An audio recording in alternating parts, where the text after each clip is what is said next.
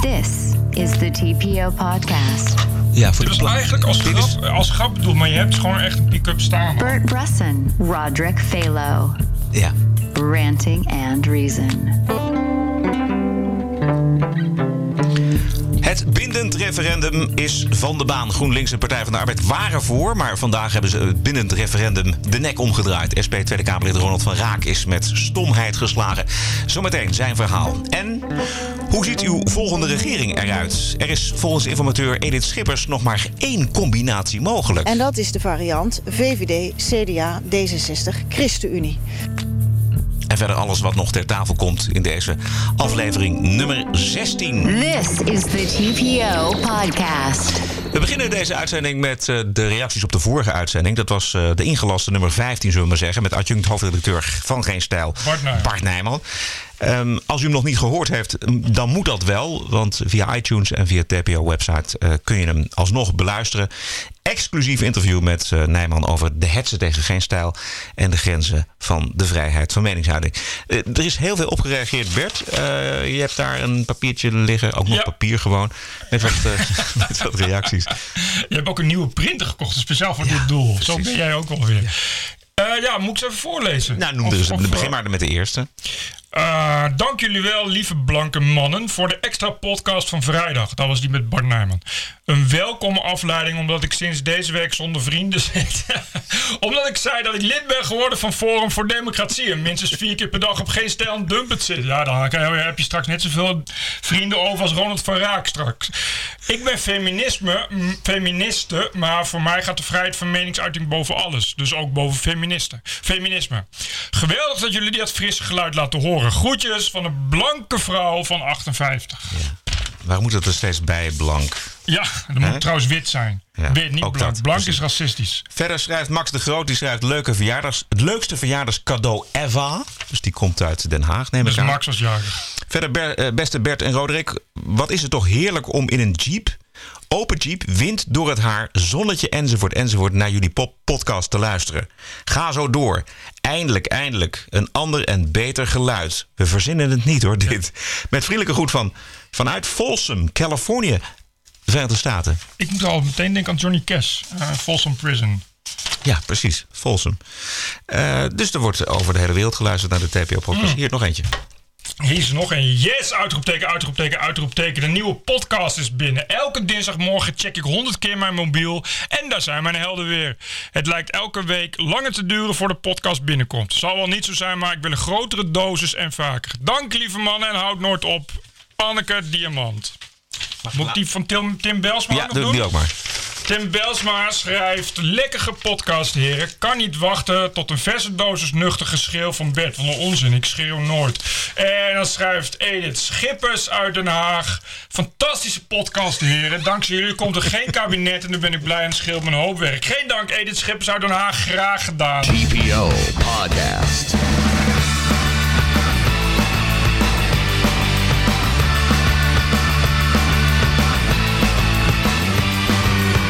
And. Het lijkt gedaan met het bindend referendum. Voormalige voorstanders Partij van de Arbeid en GroenLinks haken af na de ongewenste uitslag van het Oekraïne-referendum. En ook D66 gooit het eigen kroonjuweel nu bij de vuilnis. Ronald van Raak is lid van de Tweede Kamerfractie van de SP. Hij is nog steeds voorstander van het bindend referendum, maar hij staat een beetje alleen.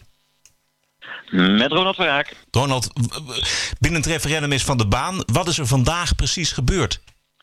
Nou, vandaag hebben eh, zowel GroenLinks als de Partij van de Arbeid laten weten dat zij hun eigen wet, die eerder door de Tweede Kamer is aangenomen, eh, niet opnieuw willen verdedigen.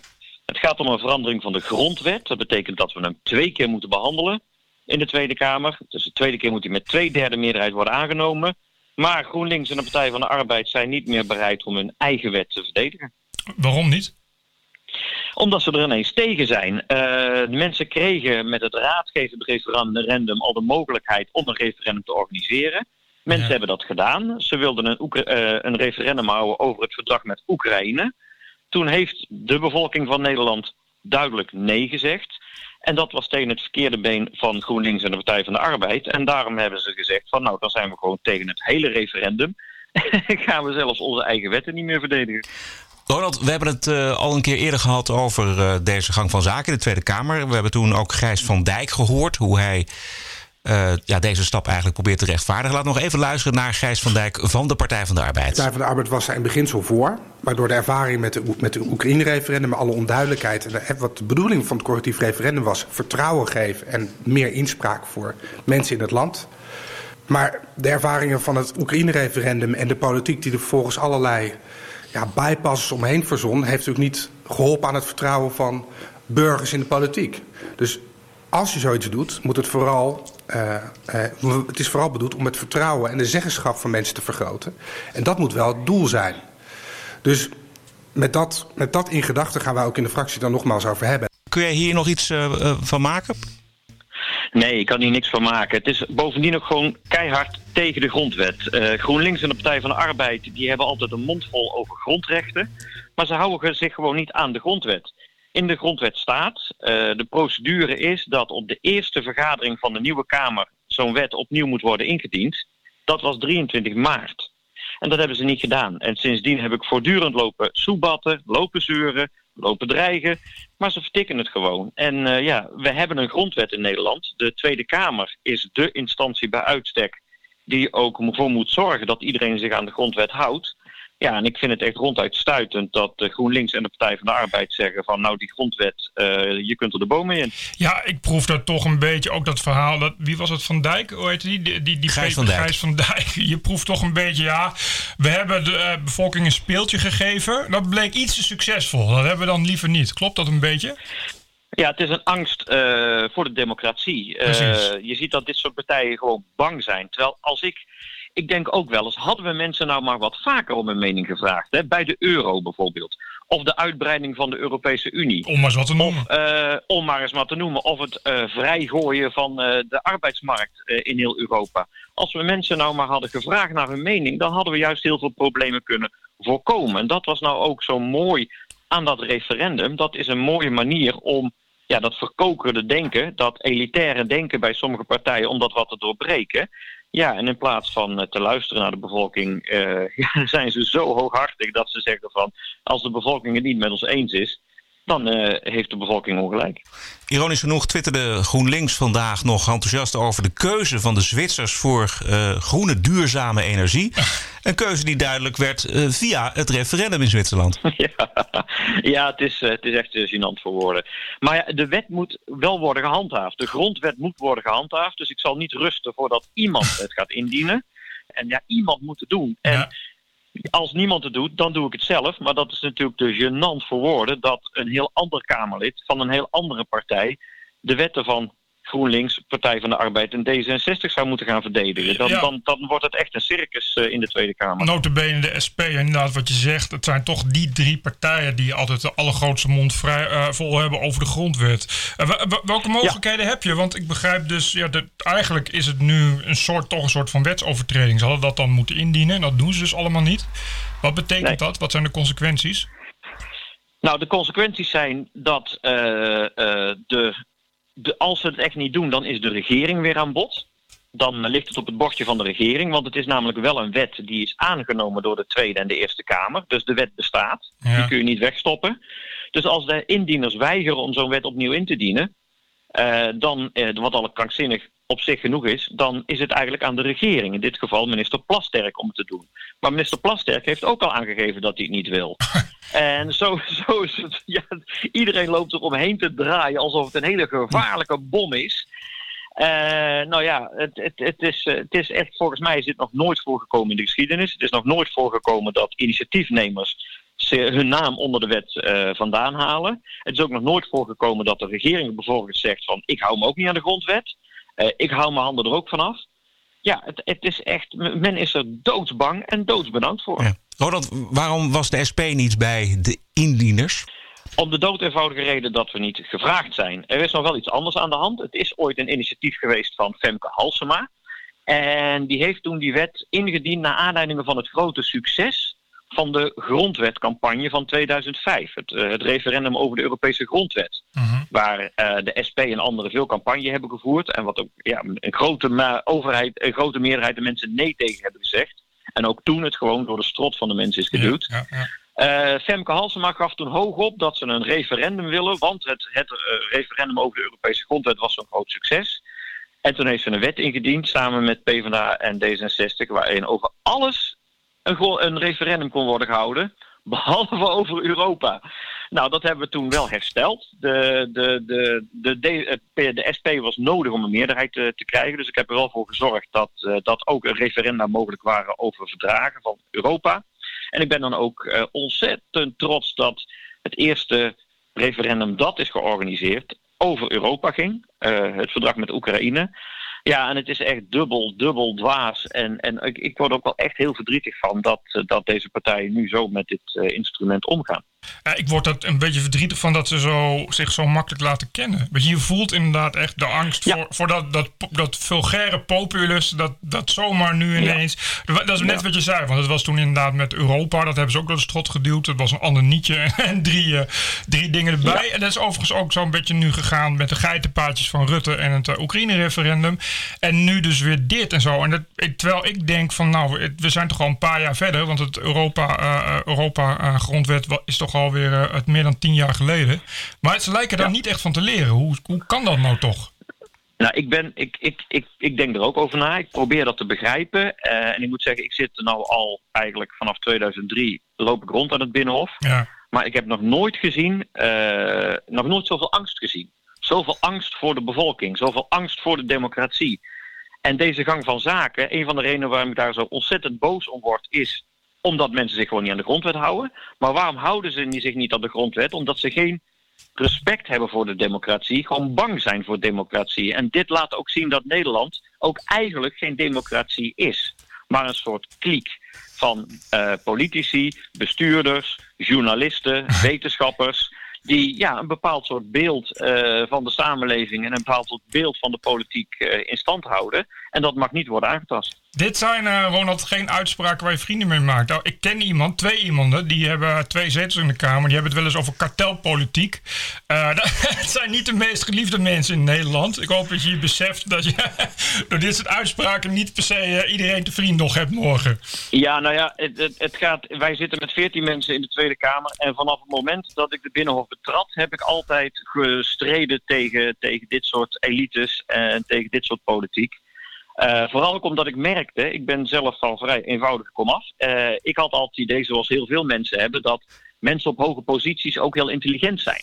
Eh, dat die de dingen beter snappen dan andere mensen. En een van de dingen die ik geleerd heb, al vrij direct geleerd heb in Den Haag, is dat dat niet het geval is. Mensen zijn niet slimmer. Nee, en dat is juist een van de redenen waarom de bevolking wel een stem moet hebben. Omdat bestuurders het gewoon echt niet beter weten. Nog even over dat referendum, eh, Ronald. Eh, GroenLinks, twijfelt hij nog? Of is het nu definitief van de baan, dat eh, bindend referendum? Of is er nog een kleine kans dat het wel gaat lukken? Nou, bij zowel PvdA als GroenLinks hebben de leden op het congres zich uitgesproken tegen het referendum. Dus dat was ook heel opmerkelijk. Die partijen hebben dus eerst vol vuur dat referendum verdedigd in de Tweede Kamer. In de Eerste Kamer is een meerderheid voor gekomen. En toen hebben de leden eigenlijk tegen de wens van de Kamerfractie in eh, gezegd: wij willen dat niet meer. En toen hebben die partijen ook eh, in het verkiezingsprogramma gezet dat ze tegen referenda zijn. Dat ze dus tegen hun eigen wet zijn. Eh, ja, dus ze kunnen, ben ik bang, ook niet meer terug. Of weer wel, want ja, de ene draai kan ook wel weer goed gemaakt worden met een andere draai. Maar ja, je ziet dat hier een fundamentele probleem is. Ze hebben, eh, ze, ze hebben dus ja, gezegd, we willen meer democratiseren. Maar zijn toen geschrokken van de democratie. Ja, Ik denk dat toch dat zeker bij GroenLinks, voor zover ik ken, ook wel de PvdA trouwens. eh, eh, het is toch een beetje, ja, het idee is, die burgers, eh, als we ze veel ruimte geven, dan gaan ze precies doen wat we willen. Dus dan krijgen we windmolens en ze zijn allemaal voor Europa. En dan blijkt dat niet zo te zijn. Ja, nee, dan, dan niet. Dus het is allemaal een beetje eenzijdig gedacht. Ze zitten in een soort universum waarvan ze volgens mij het idee hebben, nou, dat is, dat is ook meteen de hele universum, dat zijn ook meteen 70 miljoen Nederlanders. Ja. Dat zie je Ja, ook wel is- in hun dat houding. Is, dat is nog een ander iets, ander iets wat hier heel duidelijk uit blijkt, is dat hun beeld van de samenleving heel, heel, heel, heel, heel verwrongen is. Zij denken werkelijk van ja, nee, maar als we dan een referendum willen, dan willen ze net zo'n soort politiek als wij. Ja, precies. Eh, hoogopgeleide, eh, goed betaalde mensen, consultants, managers. Cosmopolitisch. eh, cosmopolitisch, dat wil de bevolking dan ook. Want die willen ook bij ons horen bij de succesvolle mensen. Nou, de bevolking heeft wel wat anders te doen. En die hebben eigen belang om aan te denken. En daar zijn ze toch wel erg van geschrokken, denk ik. Nee, ik vind dat dit onderschrijft natuurlijk ook wel een beetje eh, nou ja, de, de kritiek en de, kra- en, de, en de klacht die veel mensen hebben over Europa. Weet je, dat toch ook een, een moeilijk, moeilijk begaanbaar en moeilijk herkenbaar, non-transparant, semi-democratisch instituut. Eh, ik, ik, denk dat dit toch een beetje is. Dit zijn toevallig ook de partijen die allemaal heel erg pro-Europa zijn. En die zullen heel blij Ja. zijn als je kritiek hebt op Europa. En ik denk dat ik dat nu wel weer een stukje beter begrijp. Het is natuurlijk heel fijn om een, om een, Ja. om een groep te hebben ja, ja, waar je lekker zoveel macht kan uitoefenen. En dan kun je altijd nog roepen, ja, maar ze zijn ooit democratisch gekozen. Nou ja, we zien nu eh, hoe, hoe blij ze zijn met, eh, met werkelijke democratie.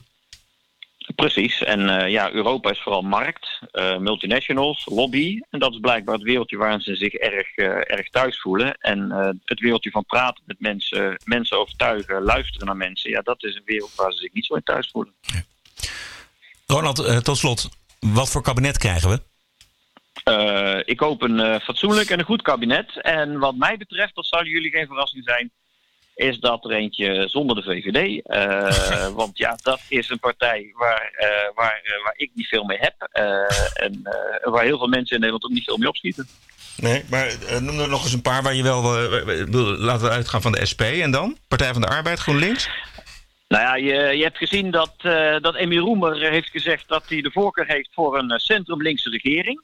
Iedereen zegt dat kan niet en dat is te kort en te smal en dat zal nooit gebeuren. Maar ik merk wel, ik zie wel dat de opties voor de VVD steeds kleiner worden. Hè? Vandaag zegt, eh, de, zegt Edith Schippers van ja, maar eh, er moet gepraat worden met de ChristenUnie, want dat is de laatste optie. Nou, dat vind ik nog niet zo eh, getuige van kracht. Dus het zou ook goed kunnen dat er in de toekomst toch weer andere opties op tafel komen. Maar SP, Partij van de Arbeid, CDA, GroenLinks, D66, is dat een meerderheid? Eh, er, er zijn verschillende mogelijkheden om, om, om, om, op centrum links een, meerderheid te halen. Dus eh, laten we kijken wat er allemaal eh, van gaat komen. Speculeren dat met partijennamen heeft weinig zin, want je moet straks gaan onderhandelen over de inhoud. Ja, maar die partijen die moeten het uiteindelijk wel een, een meerderheid van 76 Kamerleden of meer hebben. Nou, meer, ja, denk wel meer. Want ik denk dat 76, eh, ja, ook de ervaringen in het verleden leren, dat dat wel erg wankel is. Eh, dus dan, kan je zomaar een, een kikker die uit, hebben die uit eh, de man springt. Ronald van Raak, dankjewel. Bedankt, Ronald. Veel succes, dag hoor. This is the TPO podcast. Edith Schippers, vandaag over de formatie. En dat betekent dat er eigenlijk maar één meerderheidsvariant op tafel ligt die niet door één of meerdere partijen is afgewezen. En dat is? En dat is de variant VVD, CDA, D66, ChristenUnie. En daarvan hebben zowel de heer Segers als de heer Pechtold gezegd... wij kunnen pas over deze variant nadenken als alle andere varianten van tafel zijn. Nou ja, dat is in de afgelopen dagen eh, gebeurd. Alle varianten zijn van tafel, zijn afgesloten. Daar waar het meerderheidsvarianten betreft. En dat betekent dat ehm, zowel eh, de heer Pechtold als de heer Segers... morgen aan hun eigen fractie deze variant zullen voorleggen. En dat betekent dus dat zij daar morgenochtend over zullen vergaderen. Dan kunnen zij met groen licht daar uitkomen. En dat zou dan betekenen dat ik een verkennend gesprek organiseer tussen deze vier partijen. Maar zoals gezegd, dan zal het dus eerst groen licht moeten komen van deze fracties.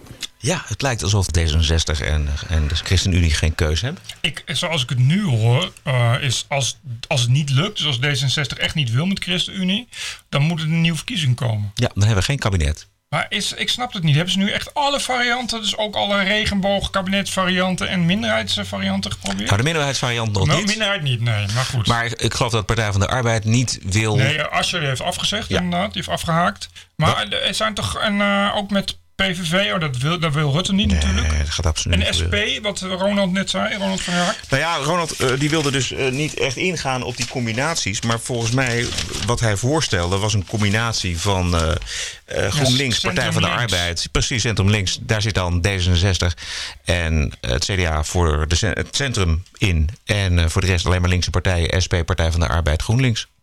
Dat is volgens mij een Partij meerderheid. voor de Dieren. Partij voor de Dieren kan er ook nog bij. Maar, en die, maar hebben ze die, die is dan ook al van tafel, kennelijk. Nee, kijk, dit is Edith Schippers natuurlijk. Die, die gaat ervan uit dat de, dat de VVD, de grootste partij in de Tweede Kamer, het, uh, het Oh, voortouw Oh, ja, neemt. is- en, en als we er echt niet ja. uitkomen, precies, dan, dan haakt de VVD af. En dan, eh, dan, nee, dan gaan maar- we andere combinaties proberen. Ja, maar dat is. Ja, nee, dat geloof ik niet. Volgens mij, als je dan gaat afhaken, dan krijg je inderdaad dat soort, dat soort kleine partijen. Maar dat.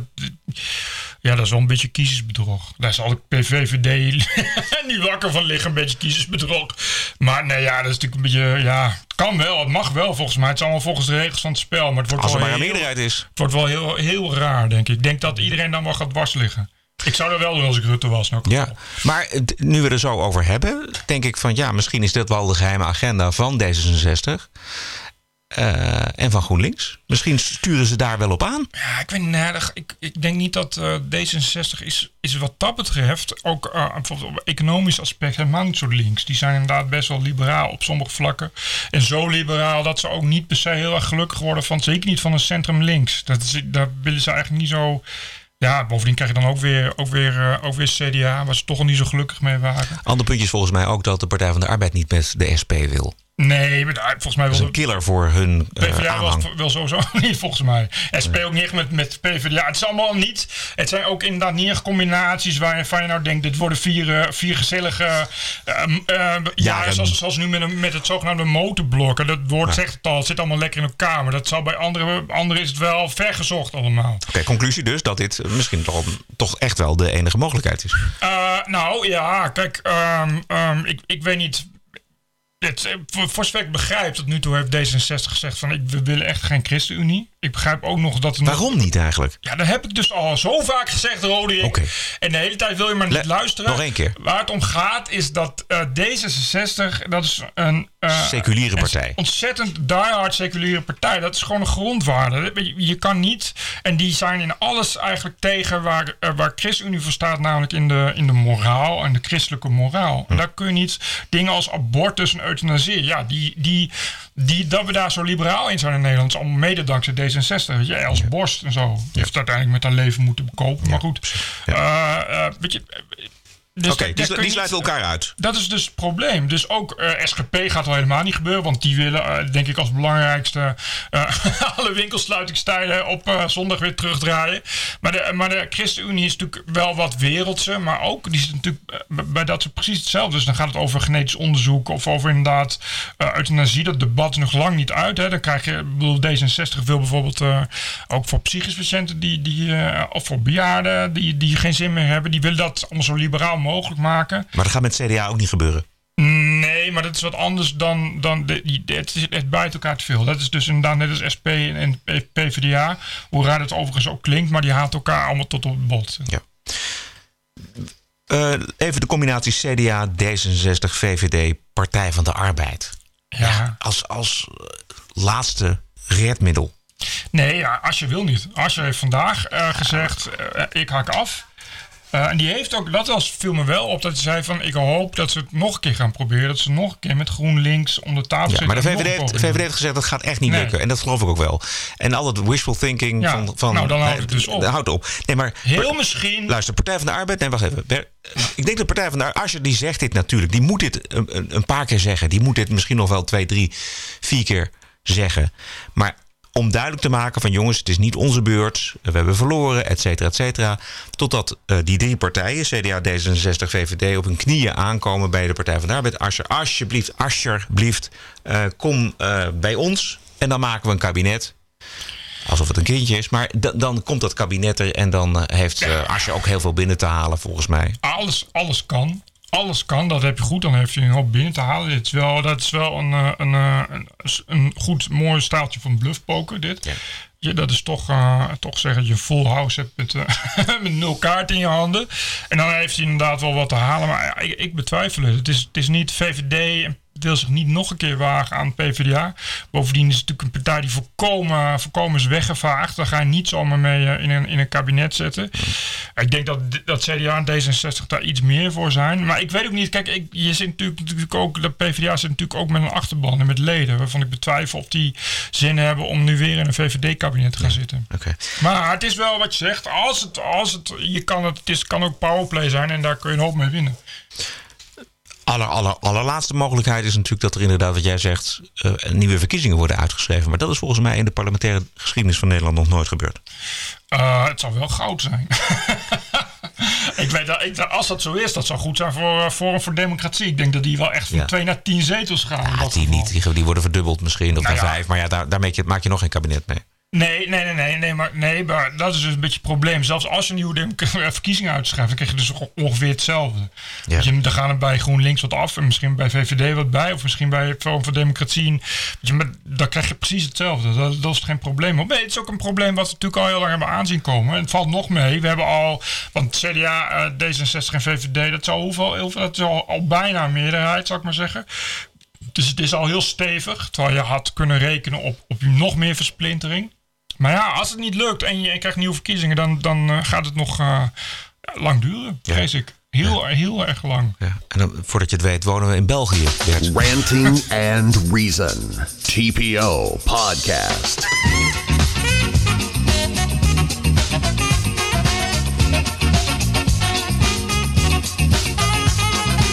Zelfislamisering uh, bij de Amsterdamse politie. Uh, de hoofddoekjes uh, die al dan niet moeten worden ingevoerd op voorspraak van politiebaas Albersberg. Want die wil graag een inclusievere afspiegeling van de samenleving. Oftewel, die denkt dat als je agenten dan maar een hoofddoekje geeft, dat het dan automatisch goed komt met het aantal allochtonen bij de politie.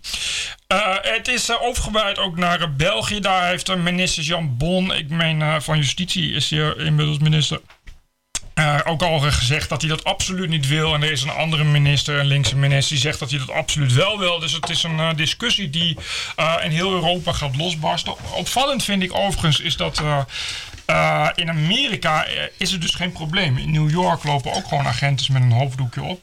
Amerika heeft natuurlijk wel een hele andere geschiedenis met integratie. Ja. en ik denk ook dat daar uh, de, het hoofddoekjesbeleid ook wel weer uh, iets aangepast is dan dat wij ons zo uh, daar een voorstelling van maken. Maar in principe maakt dat niet uit, want het gaat hier natuurlijk om de neutraliteit van de exact. arm van de overheid, ja. de politie. En in Amerika is daar, wordt daar blijkbaar niet zo ingewikkeld nou, over gedaan? Ik denk dat het vooral ook statelijk gereguleerd is. Het lijkt me sterk dat je in Texas sowieso als vrouw bij de politie laat staan als allochtone vrouw een hoofddoekje. Dus dat zou wat te maken hebben met het feit dat het New York is en niet uh, heel Amerika gelijk. Toch is het landelijk, federaal geregeld dat overheid en kerk strikt gescheiden zijn. En dat ja. dat dus eigenlijk gewoon helemaal niet kan. Maar het, het, het gebeurt dus blijkelijk wel. Ja. Wij weten daar niet ik, genoeg ik, van. Ik, ik, heb geen idee van, maar het, het, heeft waarschijnlijk inderdaad, wat ik zeg, in Londen is het ook al, hè, want de, dus hoofddoekjes, maar behaalbaar natuurlijk al echt sinds de jaren 60 gewend aan tulbanden. Ja. Ja, aan dus aan uh, hoe zeg Six of uh, Six en ja. aan Hindoes. Hindoes. Ja. En dat is eigenlijk nooit het probleem geweest, zeg maar. En, en die, kijk, en uh, dat hoofddoek is natuurlijk veel beladener, is islam. Maar ik denk, en dat is in Amerika een beetje hetzelfde, is dat het al zo vertrouwd is dat het daar veel minder beladen is. Dus Ja. dan heb je dat debat ook niet. Maar waar, waar, waarom zou moslimagenten beladener zijn dan Six-agenten? Nou ja, uh, even afkloppen, want Six, kan ik me herinneren, toen ik heel klein was, waren ook nogal in India bekend van sectarisch zwaar geweld. Dat is iets wat uh, heel veel mensen vergeten over. Dat kan me nog wel herinneren, inderdaad. Aanslag op Six-tempels en, en, en wederzijds. Maar ja, goed, moslims, uh, ja, de, de islam is, is een ding waar we allemaal tegenaan, of allemaal, iedereen behalve GroenLinks en D66 tegenaan hikken.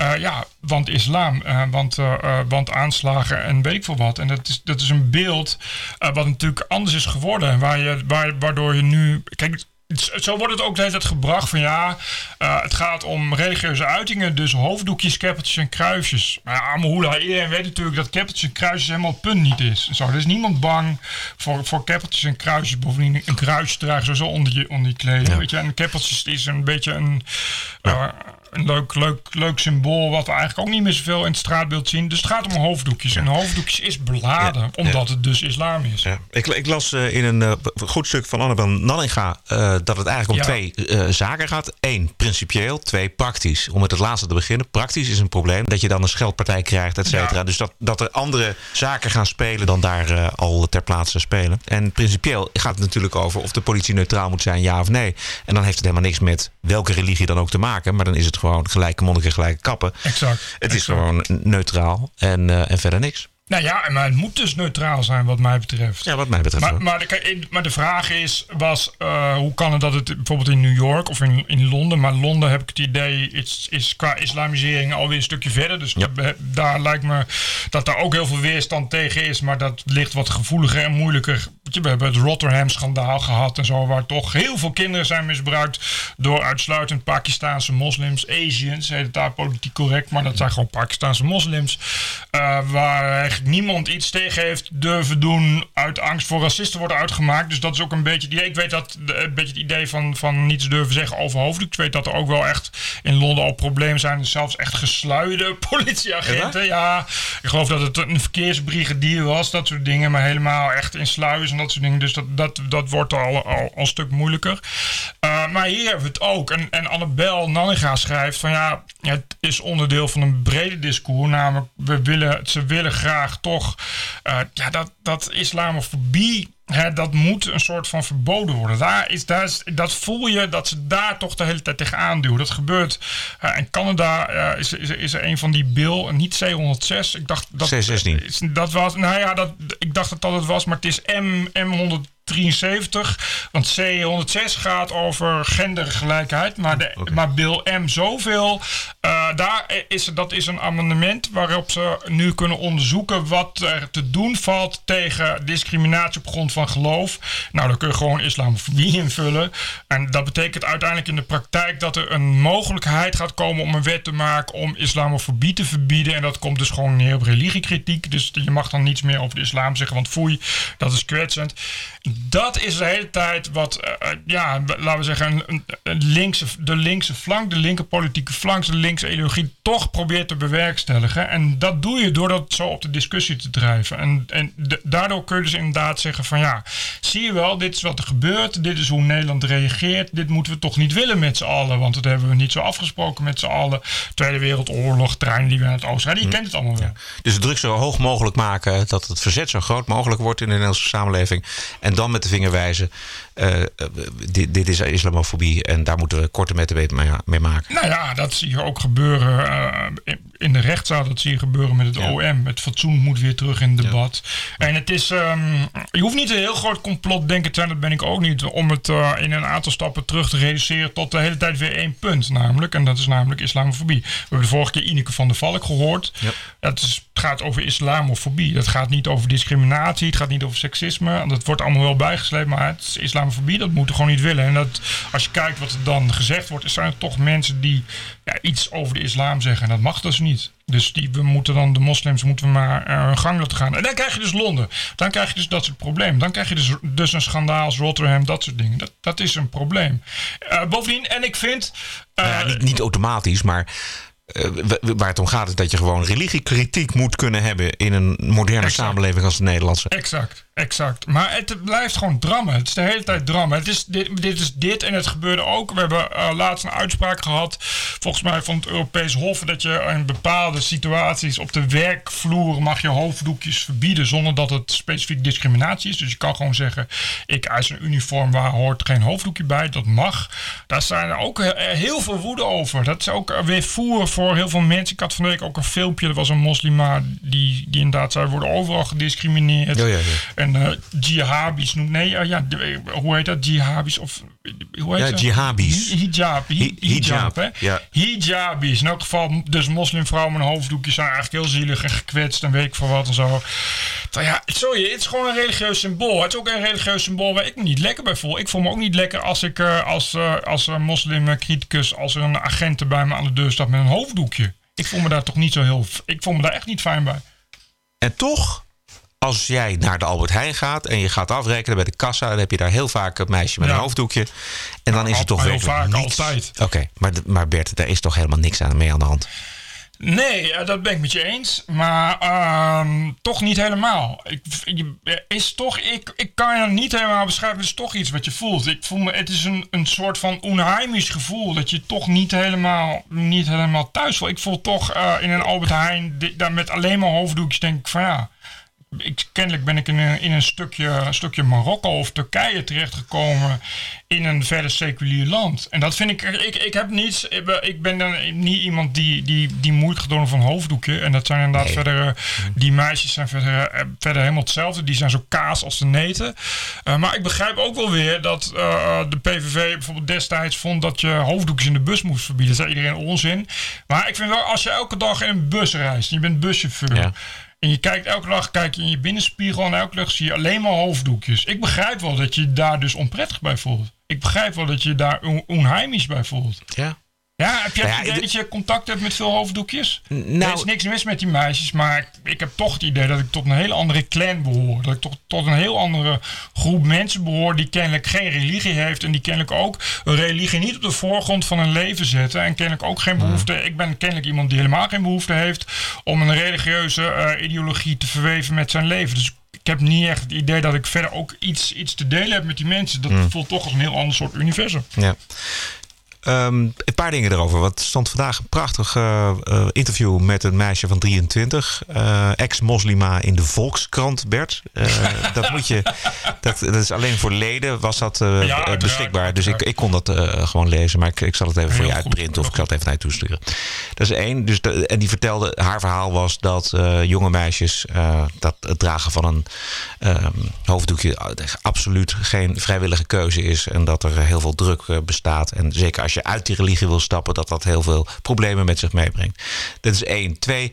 Als je als buschauffeur eh, alleen maar door Nederland rijdt en je hebt alleen maar gesluierde of eh, vrouwen met een hoofddoekje in, de, in je bus, dan, ja, dan, dan, dan is dat een breder probleem, namelijk de verkleuring van eh, de Nederlandse steden en dorpen. Ja. En als ik bij de Albert Heijn ben en ik zie alleen maar cashiers met een hoofddoekje. Ik voel me eigenlijk een ontzettend eh, tolerant wezen. Want het, ik, ik, ik, ik voel daar werkelijk helemaal geen enkel probleem bij. Nee, dat heb ik ook. Dat, dat ben ik met je eens. En ik vind het, leuk om naar ze te kijken. En ik, vind, ik, ik, ik probeer nog contact met te maken. Gewoon omdat ik het ook. eh, Er zitten heel vaak hele mooie meisjes onder die eh, hoofddoekjes. Dus ik Kun je vind dat ik- zien? Ik kan ja, het nooit zien. Ik ja, denk altijd, ja. dat is ook, zonder haar is het ook, je kan het gewoon net jongen. niet zien. Ach man, kijk nog naar die ogen en naar de mond. En ze, bedoel, ze zijn toch prachtig opgemaakt, heel vaak. Dus ik vind het alleen maar. Ik, ik, ik, ik flirt er nog mee, bij wijze van spreken. Ook nog. zien dat die meiden van Hallo, dat die, dat die gewoon eigenlijk kei lekker zijn. TPO Podcast.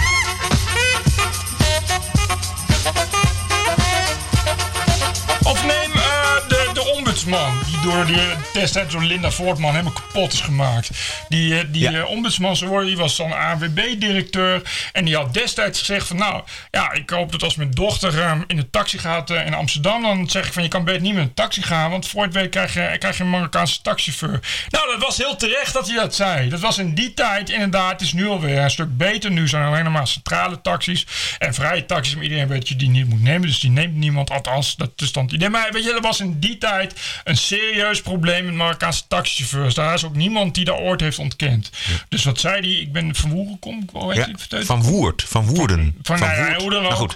Die zei dat en vervolgens ging heel GroenLinks een week lang met ik ben een Marokkaan shirt lopen. Ja. Terwijl die hele GroenLinks, dan heb ik nog nooit een Marokkaan gezien in hun leven. Anders dan de hoofddoekjes bij de kassa. En dan komen ze ook niet, want ze gaan allemaal naar de markt. En bij de markt met een Q werken alleen maar blanke blonde Ariërs. En als iemand zit met een hoofddoekje, dan is het weer zo'n blonde trut die, die uit solidariteit een hoofddoekje omknoopt. Zoals overigens die eh, agenten van de week. Dat vond ik echt niet kunnen. En die, is niet, die daar krijgt geen straf. Hè. Vind ik echt, dat vind ik echt niet kunnen. Dat is nou echt een soort van vuig moralisme. Wat je er gewoon uit moet rammen met een gummiknuppel. Die vrouw heeft, die is dus zelf geen moslima. Wel een pot begreep ik, maar geen moslima. Die heeft gewoon eigenhandig een hoofddoekje omgeknoopt. En is daarmee de Osdorp gaan lopen om een statement te maken. In je fucking, in je fucking werkuniform als agent even een statement maken. Wat gaan we straks krijgen? Straks gaan, gaan ze bij het leger. Gaan ze ook een statement maken. Ja, dan gaan we wapens uitdelen aan jongeren. En dan schiet een paar dood. Zeg, zie je hè, hoe gevaarlijk wapens zijn? Ja, we willen even een statement maken. Dat kan toch niet? Je kan toch niet zeg maar zomaar even zelfstandig zeggen zonder overleg.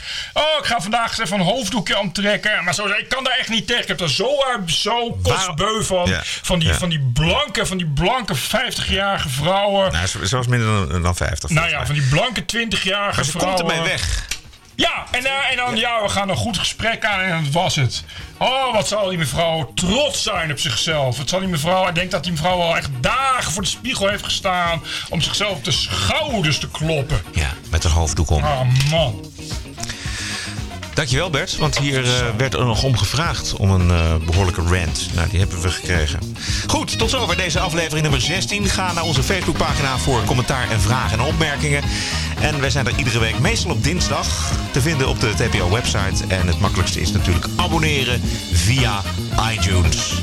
Heb een mooie week, Bert, jij ook. Ja, bedankt hè. En tot volgende week. TPO Podcast. Bert Bruson, Roderick Balo, Ranting and Reason. Lekker man, weet je, Tenerife. Ja. Hoe gaan we dat doen? Moet ik, kan ik je bellen even? Nou, moet me even bellen. En dat lijkt me het beste. Dan kan ik dat vanaf de zon. Skypen, kunnen we skypen?